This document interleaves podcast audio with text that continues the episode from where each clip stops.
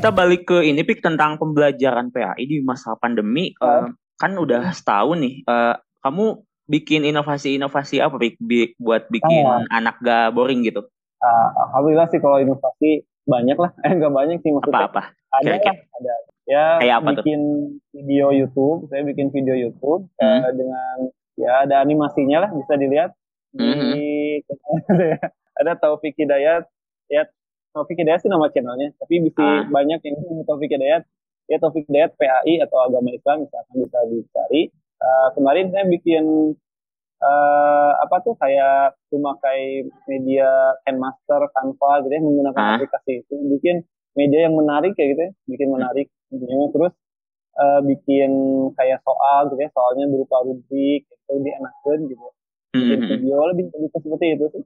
Hmm. Kalau nah, belajar. Itu uh, partisipasi anak-anak gimana, Pik? Antusias gak? Partisipasi. Hmm. Uh, Alhamdulillah banyak yang eh gak kalau kebanyakan nggak tahu ya, tapi kayak ada selalu ada antusias. Jadi saya, saya setiap tugas itu bikin Google Form.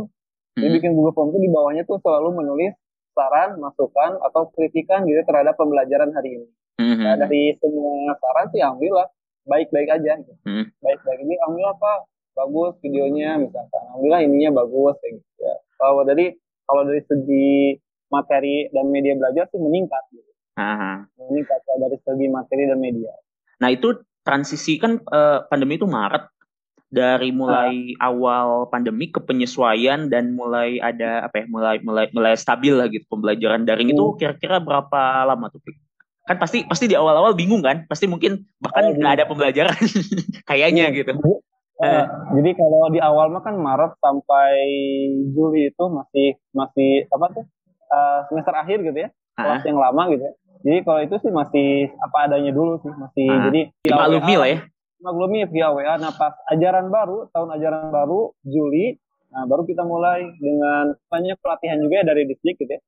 Ada pelatihan misalnya cara uh, bikin media pelajaran, cara belajar online kayak gitu ya. Terus sudah mulai ada RPP online Uh, terus kurikulum juga udah disesuaikan kan ya, KD-nya dari yang dihilangkan gitu.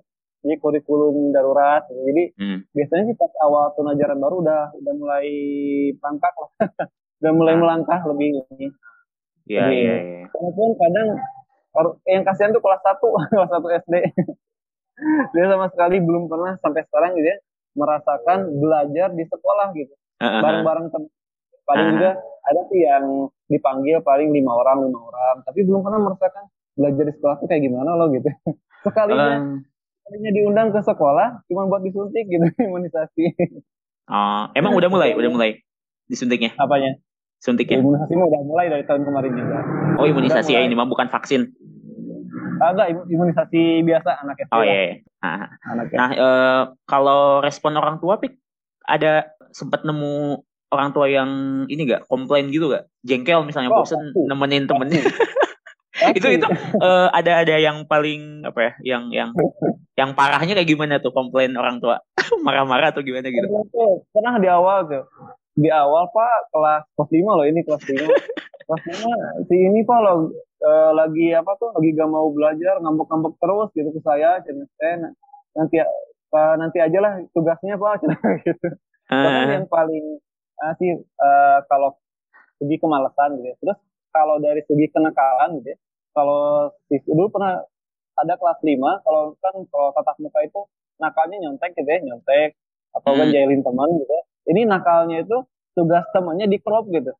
Tugas temannya, foto tugas temannya di crop, terus uh, dia kirim ulang atas nama dia gitu. Hmm. Untung ketahuan itu. kenakalan paling dari segitu di satu sisi kreatif sih ya punya anak udah bisa mengkrop muncul ide mengkrop tugas temannya mengatasnamakan dia. Mungkin ketahuan itu sama yang diconteknya itu kok tulisannya sama? Tidak ya ini uh, untung dikirimnya via WA dia jadi jadi bisa dilihat siswa lain. Nggak lewat Google Form. gitu. Terus untuk mengantisipasi kayak mungkin mungkin ya selalu ada gitu uh, orang tua atau keluarga yang yang yang nggak memiliki fasilitas pembelajaran nah. kayak gadget dan sebagainya itu itu gimana pik menyiasatinya? Uh, kalau di kalau di sekolah sih uh, kita ada apa tuh luring ya luar jaringan ada daring gitu. Hmm. Jadi jadi kalau luring itu di kalau di SD itu ada ada korlas koordinator kelas ya, sama orang tuanya orang tuanya hmm. jadi kalau di SD sih lebih yang banyak berperan tuh orang tua hmm. kalau SMP SMA kan siswanya langsung gitu ya. kita di grup ya juga orang tua semua gitu hmm. eh, paling beberapa lah yang ada siswa aslinya jadi ada korlas kalau misalnya yang nggak punya HP itu didata oh si ini ada lima orang nanti sama guru tuh diprintkan di print di print bahan ajar sama media ajarnya lalu dikasih ke kelas dibagikan terus kalau misalnya uh, apa itu uh, perlu apa tuh namanya perlu buat penjelasan penjelasan itu dipanggil satu orang dua orang sekolah jadi hmm. jelasin secara udah ya langsung pulang walaupun oh. ya tapi dari guru itu ada visitasi gitu gak Pik untuk ngelihat terutama yang luring gitu. Guru Visi, guru datang visitasi maksudnya kunjungan ke ke oh, visit ya, ya. Visit nah, visit gitu. Oh iya, visit. Nah, ada. Oh, visit ada kemarin. Kemarin ada beberapa guru yang uh, ngadain belajar di rumahnya sendiri gitu. Di rumahnya oh, sendiri. Oh iya iya iya. Nah, jadi dia ngundang berapa sepuluh orang, sepuluh orang terus secara kloter kayak gitu ya Uh, karena memang guru ini rumahnya dekat gitu ya. Uh, kalau hmm. saya sendiri rumah nggak terlalu dekat dengan sekolah gitu, jadi nggak bisa kayak gitu, gak, belum bisa kayak gitu. Paling manggil siswa satu orang yang tugasnya belum kayak gitu sih paling. Hmm. Kan kemarin waktu awal pandemi itu ya kebetulan dia distrik Cimahi ya, bukan distrik yang sekarang, bukan kadisdik yang sekarang. Kadisdik hmm. yang dulu tuh agak ya lebih galak, lebih tegas lah gitu ya. Jadi jangan sampai ada siswa ke sekolah gitu ya. jangan sampai ada siswa hmm. ke sekolah dulu waktu awal-awal jadi sekarang sih sudah membolehkan gitu ya uh, gak tahu sih aturan tertulisnya tapi beberapa sekolah juga ya wayahnya apalagi kelas satu yang belum bisa baca gitu ya ke sekolah cuma satu orang dua orang oh uh, belajar iya. balik lagi kayak gitu mm -hmm. jadi tetap sih masih ya kurang maksimal Bener. karena nggak bisa lama-lama soalnya di daerah saya juga katanya udah ada kayak iya, pengajuan ya, Kuliah? Kuliah gimana? Kuliah saya nggak tahu eh. Masih full full daring aja sih, Pip. Oh, masih full daring. Mah, nih ada hampir semua mahasiswa punya gadget. Uh -uh. Tapi yang oh, asem yang asemnya itu kalau kuliah ya uh, pembelajaran itu kan kualitasnya beda ya antara luring sama daring. Tapi dari uh. segi kewajiban berupa UKT itu disamakan. Nah itu yang yang yang asemnya itu kayak ya, saya, ya, saya, ya. saya saya kan lagi masih be, belum beres ya tesis saya bayar oh. delapan setengah untuk fasilitas oh. itu. Tapi berarti kan Bim. udah gak ada kuliah gak aktif ada. lagi berarti ya? Gak ada, gak, gak ada. ada. Oh. Nah. Wow. Tapi kan maksudnya fasilitas delapan setengah hanya kuota terus perpus online sama bimbingan online coba pik kan eh, rasionalisasi dari kampusnya itu untuk mahasiswa tingkat akhir kan nggak ada gitu itu yang hmm. yang yang menurut saya sih kedoliman kedoliman kampus tapi sih emang di, di satu sisi kan uh, pengeluaran kampus gitu ya buat karyawannya lah buat iya, uh, iya. apa tuh administrasinya memang harus dibayar tetap gitu ya kalau enggak kan mereka juga pasti terdampak gitu ya. Hmm. Cuman yang disayangkan tuh emang kampus gak punya cadangan gitu. Iya itu. enggak enggak. Gitu. Enggak itu. Justru yang yang jadi pertanyaan saya tuh uh, pertama ya untuk keresahan saya sekarang hmm. kan di hmm. semester hmm. pertama uh, semester di di bulan sekitar uh, semester pertama lah semester pertama hmm. itu kan yang yang semester sebelumnya kan udah jalan semester dua ya eh semester genap ya nah itu yang pas pertama kali ada corona itu mah kayak udah ya udahlah gitu lapor duit teh gitu udah bayar sekian tapi kualitas pembelajaran kayak gini nah sementara untuk uh, semester baru semester baru tuh hmm. mulai ada kayak penolakan-penolakan aksi gitu ya memperjuangkan uh, penurunan UKT dan lain sebagainya. Oh. Nah, untuk semester kemarin kan ini demo berarti ada demo kan? demo luring gitu demo. Nah, justru justru sekarang tuh kayak makin nggak ada gitu pik kayak ah. kayak uh, apa ya kayak pergerakan mahasiswa tuh jadi makin memble lah menurut saya sih. Berarti, berarti, berarti semenjak uh, pandemi ini ada keuntungan juga buat kampus itu gak ada gak ada perlawanan pergerakan gitu. Nah, eta bener bener eta. Jadi buat penguasa juga gitu kan kemarin kan demo dilarang, eh. dilarang, dilarang. Eh tahu-tahu disahkan aja Omnibus nah makanya makanya saya pik, maksudnya salah satu upaya saya yang saya bisa lakukan ya itu ya nulis gitu. Kamu baca gak yang yang tulisan saya yang di PR itu tuh kayak curhat aja sih sebenarnya gitu. Iya, iya betul betul. Iya kayak kayak meramaikan lagi. Soalnya kayaknya ke sini tuh saya melihat di Instagram gak ada yang viral gitu paling satu dua akun lah gitu di Twitter juga hmm. gak terlalu sama. Di berita juga nggak ada gitu nah. yang yang kayak mengkaji lah gitu. Gimana nah, rasion, yeah. rasionalisasinya uh, kampus uh, hmm. apa ya uh, gak nurunin UKT meskipun sebenarnya ada sih kayak kebijakan dari hmm. kampus itu penurunan UKT tapi itu pun ada syaratnya dan selalu mepet. Berapa hari gitu. Kayak gitu gitulah jadi jadi bikin malas mahasiswa sebenarnya. Emang sekarang kan ya kalau di kalau apa tuh ya ada eh, apa ada riset atau katanya gitu ya yang mahasiswa sebelum pandemi kan emang mahasiswa yang kebanyakan kupu-kupu gitu ya. Maksudnya kuliah pulang kuliah pulang jarang yang udah banyak aksi-aksi kayak tahun 98 lah gitu benar, benar. ditambah corona ya makin meledem gitu ya, mahasiswa itu podcast gitu. Dan dan yang yang yang bikin kesalnya ini sih maksudnya uh, apa ya ya kayak mungkin ada beberapa BEM dan sebagainya yang menuntut atau meminta transparansi. Nah ini ini juga gak dikasih hmm. gitu sama kampus. Padahal kan kalau misalnya dikasih ya setidaknya bisa dikritisi ya pemasukan hmm. berapa, pengeluaran berapa. Jadi kita bisa bisa me, bisa mengkritisi yang ini tuh mungkin bisa dikurangi, hmm. bisa di apa iya. ya? Meskipun tadi kayak kayak tenaga kependidikan, OB dan sebagainya itu kan jadi tanggungan kampus juga lah gitu. Gak bisa ya, serta langsung di, di di di PHK gitu, di dirumahkan. Tapi ada nah. masih banyak bayangkan ya misalnya kampus uh, mahasiswa baru ada lima ribu dikali sekian uh, yang ini kan ada uang pangkal ya. Nah itu alokasinya hmm. buat apa dan sebagainya itu kan masih banyak banget sementara listrik hmm. bakal berkurang kemudian mungkin nah. ya paling buat nah, Zoom betul, premium betul. ada gitu jadi nah. masih kayak nah. banyak slot-slot uh, itu jadi saldo oh, jadi kadang bukan cuma dunia kesehatan yang mengambil keuntungan kadang dunia, dunia pendidikan juga kayak gitu ngambil keuntungan kadang kemarin juga saya lihat ke kampus gitu ya uh, mahasiswa gak ada proyek jalan gitu proyek jalan proyek jalan padahal kenapa sih kalau misalnya uh, emang nggak bisa gitu ya kalau biaya biaya kuliah dikurangin dan yang uh, diutamakan tuh buat kampus pengeluaran untuk karyawannya dulu lah minimal ah. gitu ya. Bangunan nanti lah gitu misalnya. Untuk kan kayak tadi air sampah pasti kan berkurang gitu kan pengelolaan bener, gitu bener, itu bisa di, ya jadi prioritas lah skala bener, prioritas bener. gitu. Kenapa gak, gak, gak kayak gitu? Ini justru malah uh, di dan yang lebihnya itu di, di gitu.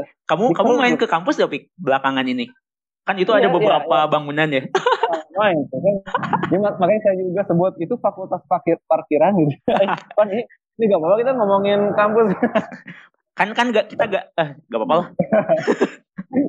ini ini kritik ini bentuk bentuk kasih iya, sayang uh, alumni gitu dan saya betul. masih mahasiswa sama alma mater kan. Ah, betul. Nah, jadi ya semoga gak, aja aman pik gak ada ah. gak ada yang tapi kalau kalau dari disdik gitu ya dari dinas kependidikan ke sekolah memang anggaran sekolah sudah banyak dirubah kan. Hmm. Makanya saya, saya heran kenapa kampus gak kayak gitu gitu. Kampus gitu ya, kenapa gak kayak gitu kan kita anggaran bos itu 50% boleh untuk uh, guru honorer gitu ya. 50% bahkan lebih juga boleh. Tapi hmm. harus harus uh, dihitung-hitung lagi gitu ya buat pengeluaran lainnya. Terus buat protokol kesehatan juga. Terus ada beberapa anggaran yang memang tidak jadi gitu ya, tidak diharuskan gitu kebetulan sekarang saya dipilih jadi bendahara bos ini. Oh, di sekolah. pantesan ya, sibuk. Jadi agak tahu lah gitu tentang keuangan gitu ya. Jadi memang kalau di sekolah keuangan disesuaikan dengan prioritas. Nah di kampus juga gitu kan nah ini pik untuk kayak pembelajaran atau persiapan pembelajaran daring itu dari dinas kemudian dari mungkin ada MGMP PAI dan sebagainya itu um, nah. proaktif gak untuk bikin apa gitu untuk ngasih oh, ngasih pembekalan lah gitu ke oh, iya. ke para guru PAI biar biar uh, lebih efektif dalam pembelajarannya dan hmm. lebih seragam gitu kayak gitu itu gimana? Hmm. Kalau kalau di Cimahi sih kemarin kan KKG banyak kumpul gitu ya uh, membuat modul bahan ajar gitu modul bahan hmm. ajar hmm. modul bahan ajar kebetulan kemarin saya sama si Kang Sofwan kepilih gitu kepilih bikin bahan ajar kelas 4 selama satu tahun gitu ya.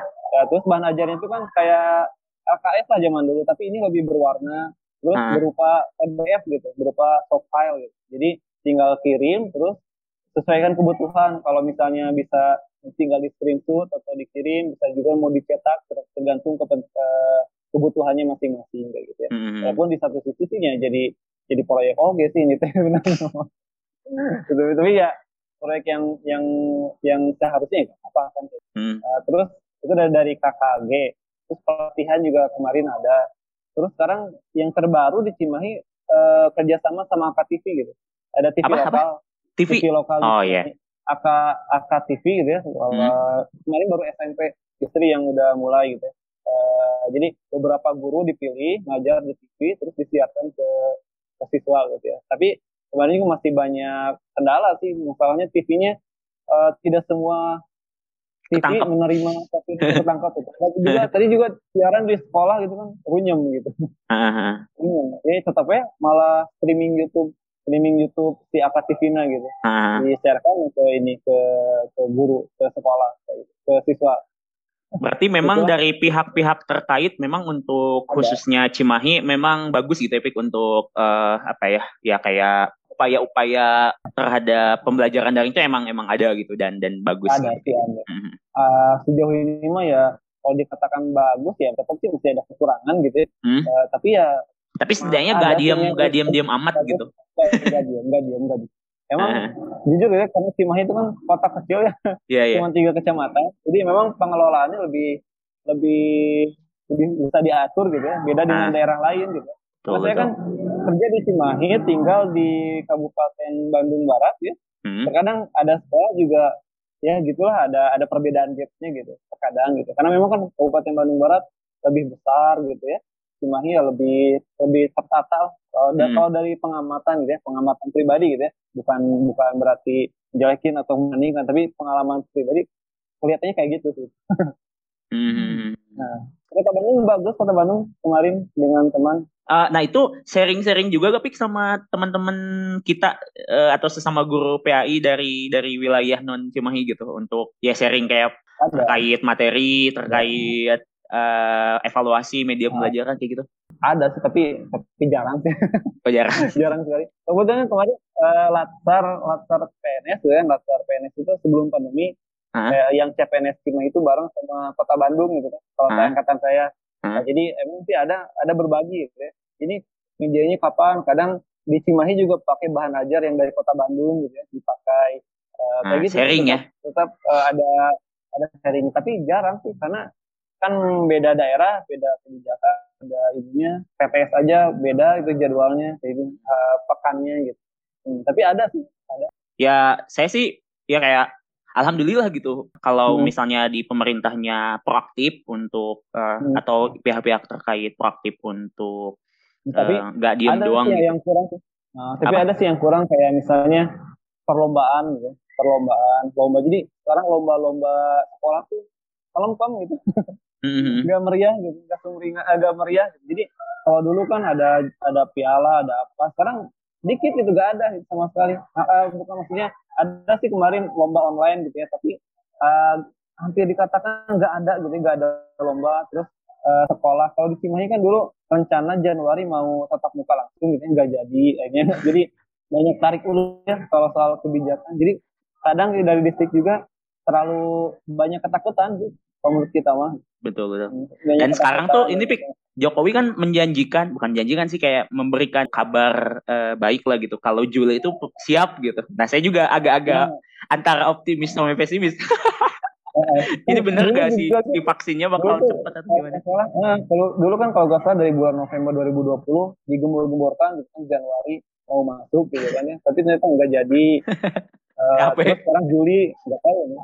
Uh, karena kemarin vaksin kebetulan istri baru divaksin nih uh, hmm. minggu kemarin ya hmm. Devia baru divaksin agak sih katanya pegel-pegel doang tapi sehat ya ke sananya mah alhamdulillah kalau saya yang belum divaksin ya uh, jadi sekarang vaksin memang kemarin kalau di Cimahi tenaga kesehatan kayaknya udah nih kemarin uh, sekarang hmm. tenaga pendidikan sekarang hmm. yang lagi di ini hmm. nggak tahu nanti siswa atau siapa tapi kalau dari segi optimisme kayaknya Juli masih susah realistisnya mah ya gitu ya kita lihat nanti lah kayak gimana apalagi gitu. untuk SD gitu tapi kalau Benar. kita berkaca mah, Ivan pernah ini nggak pernah baca atau neliti itu di, di negara lain kayak gimana? Kalau Enggak sih, belum lihat, belum lihat.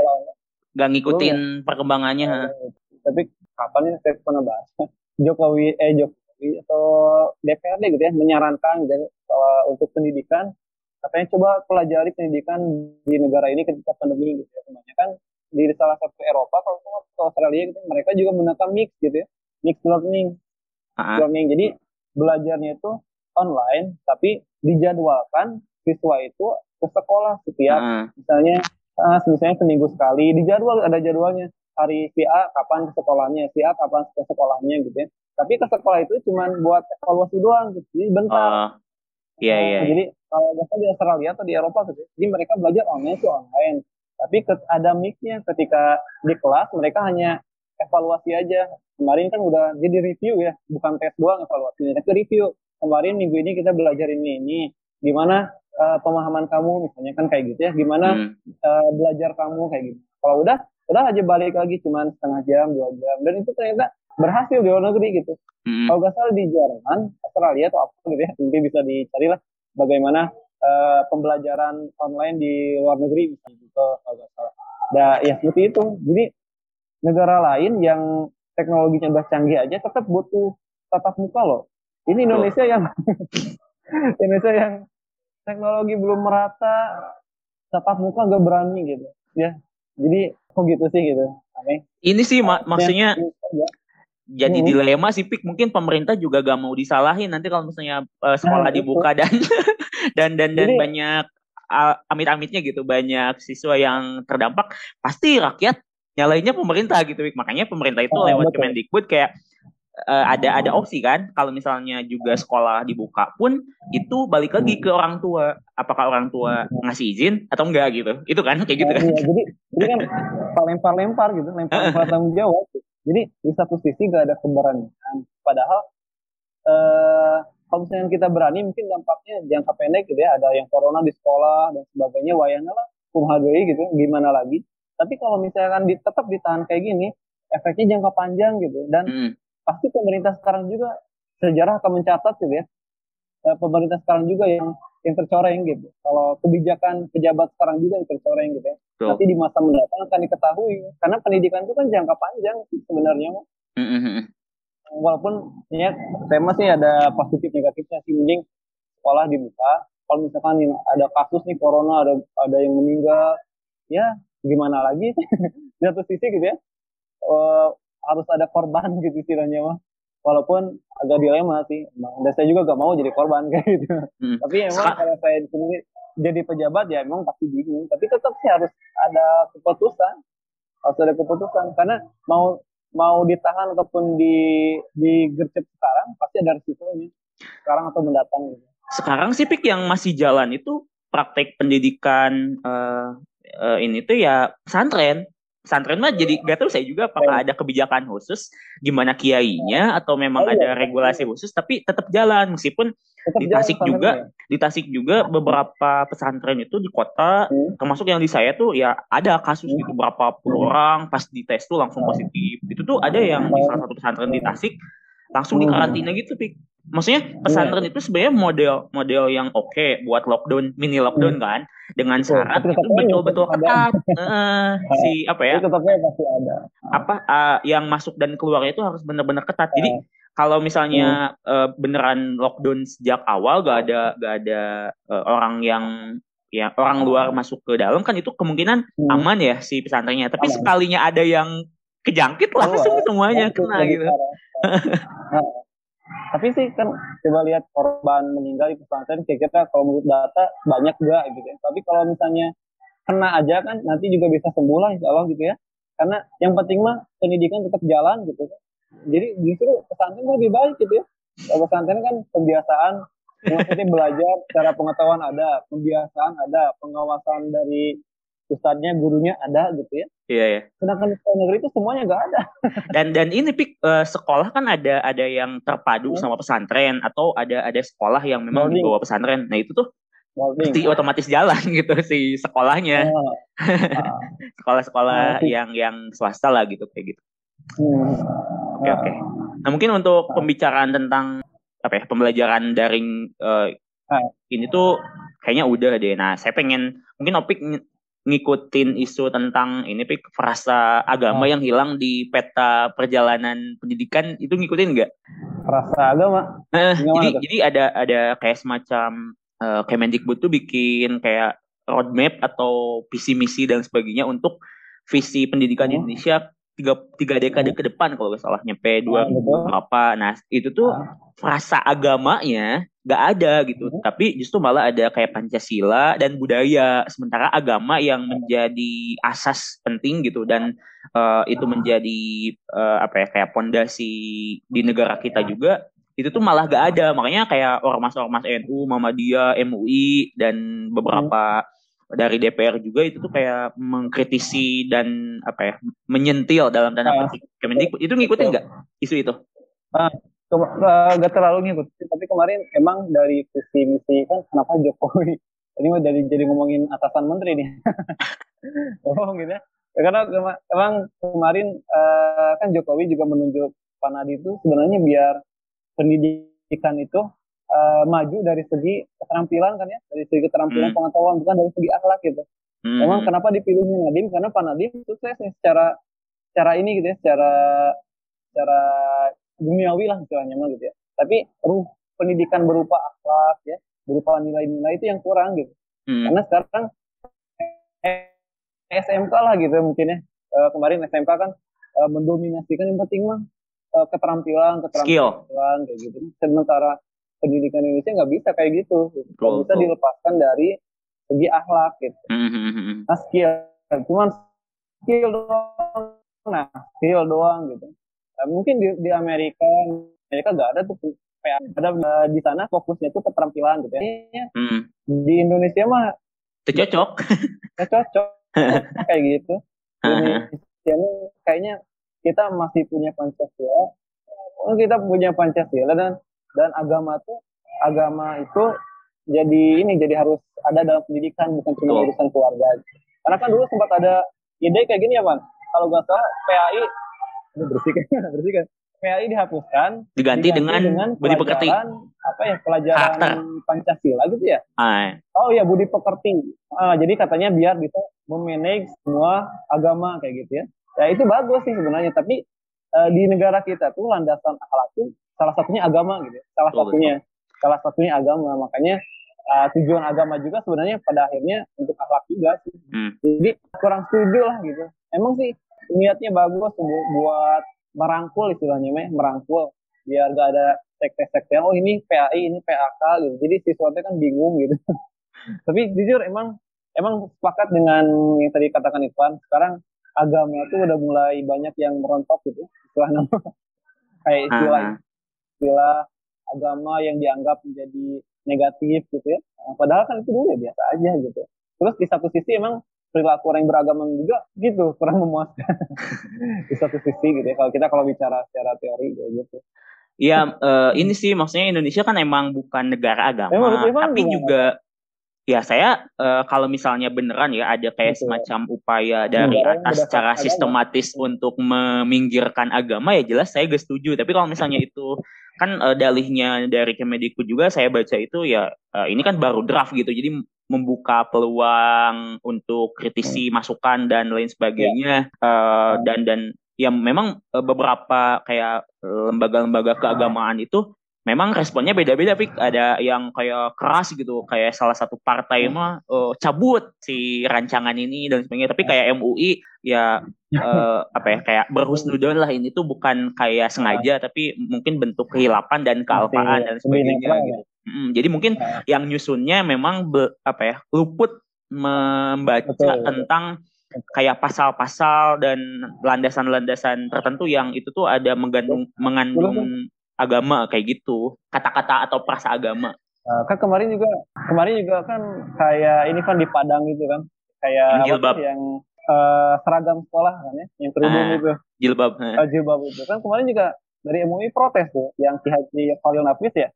Ah. Khalil Nafis ya kan protes juga. Harusnya uh, ada tambahkan frasa katanya. Uh, sekolah boleh mewajibkan mewajibkan apa tuh? Mewajibkan seragam sesuai dengan agamanya masing-masing harusnya kayak gitu kan. Hmm. jadi mau jadi seolah kalau misalnya ada guru kamu pakai jilbab dong padahal kan kamu muslim nggak boleh itu gitu. Itu dilarang gitu. Hmm. nggak boleh harus berdasarkan kesadaran masing-masing. Padahal kan agama itu emang harus berdasarkan kesadaran. Tapi masalahnya tapi di satu sisi harus ada pemaksaan dalam tanda petik pembiasaan ada, apa tuh kayak peraturan lagi. Masa nggak boleh mewajibkan uh, pembiasaan lah gitu. Gak bosa guru agama gak boleh mewajibkan siswinya berkerudung gitu. Kan aneh jadi ya udah sekalian gak usah mewajibkan dia ngaji gitu gak usah mewajibkan dia sholat gitu ya berdasarkan kesadaran tanggung ya. aja, jadi ada paradoks gitu ya. Tanggung gitu. Ini paradoks kan uh, dalam ya pun tidak dalam agama Islam di kerudung itu salah satu ajaran agama gitu. Menurut saya menurut saya sih sama kayak kayak ini tuh berusaha menetralkan agama gitu ya.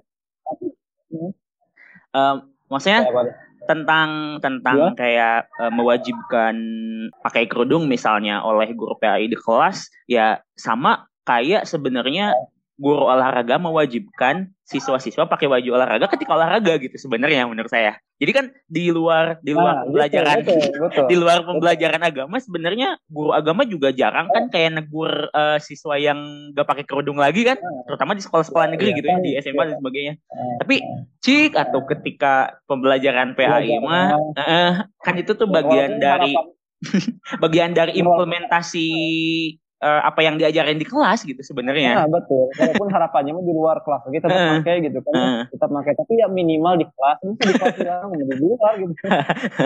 Jadi kadang kita kita tuh gini, Pan, pengen uh, menetralkan agama gitu ya, tapi malah meng, meng tidak adakan agama gitu. Nah, jadi bener, pengen bener, bener. biar biar netral ya udah semua jangan jangan pakai aturan agama ini. Jadi bukan malah menetralkan tapi meniadakan agama gitu meniadakan agama. Kayak dulu pernah saya tuh nulis ini kan nulis bacaan doa gitu ya, doa sehari-hari.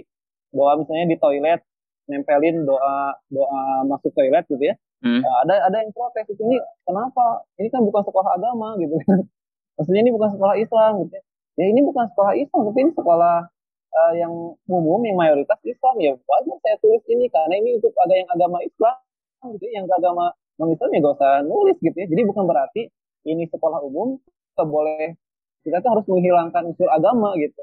Nanti kalau kita kayak gitu sama aja kayak kayak ateis gitu menghilangkan agama sama sekali. Justru kita harusnya ya menempelkan nggak apa-apa lah yang agama yang mayoritas tapi tanpa mengkreditkan mendiskriminasikan atau mengkerdilkan yang minoritas gitu ya kayak gitu. Jadi jangan sampai niat menetralkan agama malah meniadakan agama gitu. Mm -hmm. itu yang salah sih. Benar benar benar. Um, terus ini gitu ngikutin ini gak uh, sekarang kan ada rekrutmen CPNS dan kalau untuk guru mah P3K ya nggak ada nggak ada CPN nggak ada PNS oh, nah. Di satu sisi bingung sih Van itu juga. Gimana? nanti kalau ke depannya ya kalau misalnya guru gak ada PNS nanti ke depannya yang jadi kepala sekolah pengawas itu masa P3K gitu. Terus CPNS gitu kan yang jadi kepala sekolah ya nanti gak tahu juga. Benar-benar. Ini pik tentang terkait ini apa uh, gak adanya formasi guru PAI kamu itu gak? Lihat itu gak? betul. ngikutin itu gak? Nah ah, saya tuh tadi betul. baca apa uh, link yang di share sama Kang Fikri di grup Ika kan? Nah itu saya baca ah, iya ternyata memang alasannya adalah sama ketua BKN itu alasannya adalah hmm. memang dari Kemenag belum menyetorkan berapa jumlah formasi guru honorer kan pertama. Nah, dan yang kedua dia. yang berhak untuk oh. kayak meng-ACC dan mengusulkan itu ada dari pejabat Benar. pembina ke kepegawaian. Nah, itu mereka yang kayak mengusulkannya sementara mungkin kayak BKN dan sebagainya lebih ke kayak uh, memfasilitasinya. Ya, hmm. betul betul. Nah, nah, um, kalau ya kita juga kan nggak tahu ya uh, yang yang benernya apakah memang ditiadakan guru PAI atau belum karena belum, memang nah. tadi betul, belum betul. belum belum tuntas. Nah, misalnya ya pahit-pahitnya misalnya guru agama untuk sekarang nggak ada. Nah itu kamu gimana Pik responnya sebagai guru agama dan dan dan lulusan prodi keagamaan gitu? Bisa Menanggapi hal ya gitu. Jadi enggak sih saya tuh melihatnya usaha meniadakan guru agama atau pendidikan agama menurutnya enggak jadi jadi. jadi sekarang tuh kayak kayak anggapan anggapan masyarakat ya dan dan mungkin sebagian besar umat muslim itu kayak sentimen banget sama per, sama pemerintahan sekarang. Jadi kayak hal hal-hal yang berbau agama tuh seakan-akan dimusuhi dalam tanda petik. Jadi iya, seakan-akan ya, kebijakan-kebijakan yang gak pro keagamaan tuh jadi itu tuh makin meyakinkan masyarakat bahwa iya, wah betul. pemerintahan sekarang tuh diktator kayak Zul Dalim atau apa gitu memusuhi agama. Nah, kamu sendiri ngelihatnya kayak gimana, Pik? Betul, karena emang ini dilema juga sih guru PAI itu. Jadi misalnya saya gitu ya, guru PAI saya diangkat oleh Pemda gitu ya, Pemda Pemkot Pemkot Cimahi gitu ya. Tapi kan guru PAI itu memang di, diangkat oleh Disdik tapi dibina oleh Kemenang gitu. Sementara ah. Kemenang juga punya guru masing-masing gitu ya kadang hmm. pengelolaannya tuh gap gitu pengelolaannya hmm. tuh gap gitu PPG kadang kita merasa dianaktirikan gitu ya ah, oleh kemenang iya, iya. dianaktirikan oleh disdik dianaktirikan gitu ya kalau diangkat ke disdik tapi di, dikelola ke batur gitu jadi barat kan sama ibu diurus sama ibu siapa gitu jadi emang termasuk yang kebijakan itu tadi gitu ya guru agama apa tuh jadi tidak ada gitu ya jadi, mm-hmm. dari dari masalah jadi dari kemenangnya gitu ya memang itu yang jadi masalah. Terus eh apa? Kedua nanti pertanyaannya? Yang kedua mah bahwa si ketua BKN-nya itu memang mempertanyakan tentang kesediaan dari pejabat pembina kepegawaian itu untuk mengusulkan formasi P3K buat grup PAI gitu. Jadi bukan kewenangan BKN sebenarnya untuk kayak bikin formasi itu teh. Gitu sih. betul. Tapi di sisi lain walaupun misalkan kan ini uh, bisa bisa jadi nanti ke depannya ada yang P3K gitu ya. Mah jangan dulu sekarang. Tapi tetap sih nggak adil gitu. Mm-hmm. dia karena kan PAI ya Islam sebagai agama mayoritas kan pasti butuh gitu ya pendidikan agama di sekolah. Gitu. Tapi ini juga tetap mencakup uh, guru agama lain gitu ya, agama Kristen, yeah, yeah, yeah. Hindu. Betul, betul. Itu juga harus diperhitungkan terutama uh -huh. untuk daerah-daerah yang memang mayoritas agamanya bukan Islam, misalkan uh -huh. di Bali ya uh -huh. guru agama Hindu lah perhatikan gitu ya P3-nya, yeah. yeah. gitu. Kadang, kadang kita bingung juga sih menga, uh, guru agama Islam katanya, tapi harus mengolah nilai uh, agama Kristen gitu kan. Jadi kadang uh, misalnya ada siswa kita yang agama Kristen, dia belajar ke gereja, terus kita gak tahu belajarnya penilainya gimana, terus kadang belajar di gereja juga tidak ngikutin kurikulum agama Kristen menurut distrik gitu ya. Hmm. Kadang apa aja berbeda-beda tiap gereja tuh ya. Kayak kita mah kayak ngaji DPA lah gitu. Hmm. kayak ngaji DPA lah kan pasti beda-beda ngajar nanti yang ini mah apa, yang ini mah apa. Jadi gitu sih emang kita tuh negara kita emang bukan negara agama gitu. Tapi kita negara yang yang berlandaskan agama. Berlandaskan agama gitu. Mm-hmm. Jadi kita negara yang bukan agama Islam, tapi kita ber, ber, uh, negara yang beragama maksudnya. Mm-hmm. Jadi kita di Pancasila agama itu udah nomor satu, udah insya Allah sih kalau selama Pancasila bertahan gitu ya, tidak menjadi Ekasila itu.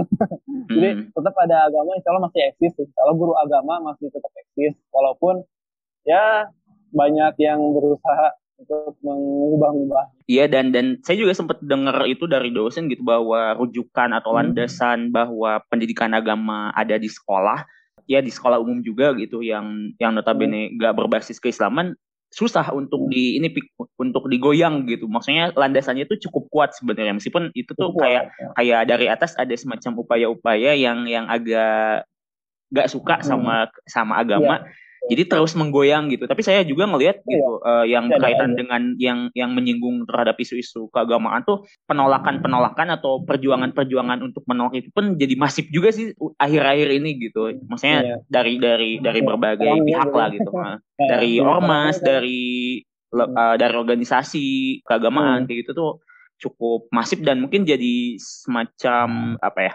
Ya ini menunjukkan bet bahwa bahwa kekuatan Islam masih masih masih kuat gitu. Dan ya, dan ya. dan anak-anak muda juga turut gitu untuk nah, memperjuangkan. kan legalitas apa tuh yang miras itu kan kemarin ah, juga. Gak, ya, gak jadi ya? lama banyak kompak. Nah, NU Muhammadiyah, Muhammadiyah. semuanya kompak menolak. Dan hmm. akhirnya Jokowi ini untuk turut.